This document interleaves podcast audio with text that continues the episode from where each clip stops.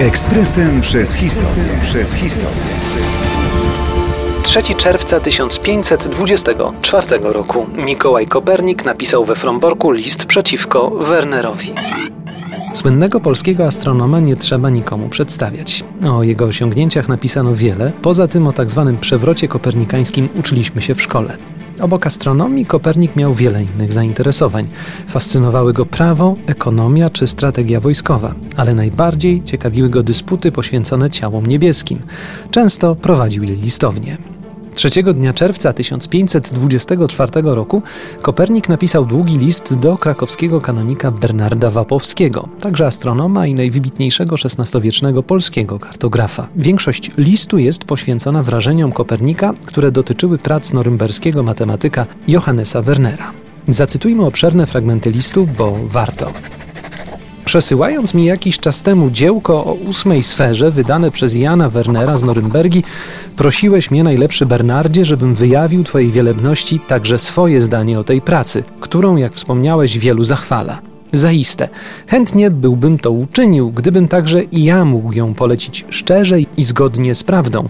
Chyba, że wyłącznie miałbym pochwalić pilność i wysiłek autora, zgodnie z tym, co przekazuje Arystoteles, iż należy być wdzięcznym nie tylko tym filozofom, którzy trafnie mówili, ale również tym, którzy mówili rzeczy niesłuszne. Gdyż y, także znajomość bezdroży niemało i nierzadko przydała się tym, co pragnęli iść po właściwej drodze. Zresztą krytyka jest mało użyteczna i nieowocna i zarozumialcem jest ten, kto woli odgrywać rolę raczej złośliwego krytyka niż twórcy. Dlatego nie chciałbym budzić gniewu, ganiąc kogoś, jak długo sam nie przedstawiam czegoś lepszego.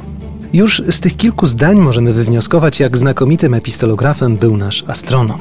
W dalszej części listu przechodzi on do wyjaśnienia podstaw swojej opinii i ostro krytykuje teorię Wernera. Następuje długi wywód naukowy, w którym Kopernik dowodzi, że Werner oparł swoje prace na złych lub niedokładnie sprawdzonych założeniach. Nie może przeto dziwić, że autor opierając się na tych swoich założeniach nie mógł głębiej wniknąć w obserwacje starożytnych i sądził, że mylili się oni o jedną czwartą lub jedną piątą, a nawet o połowę i więcej stopnia. I wreszcie czytamy.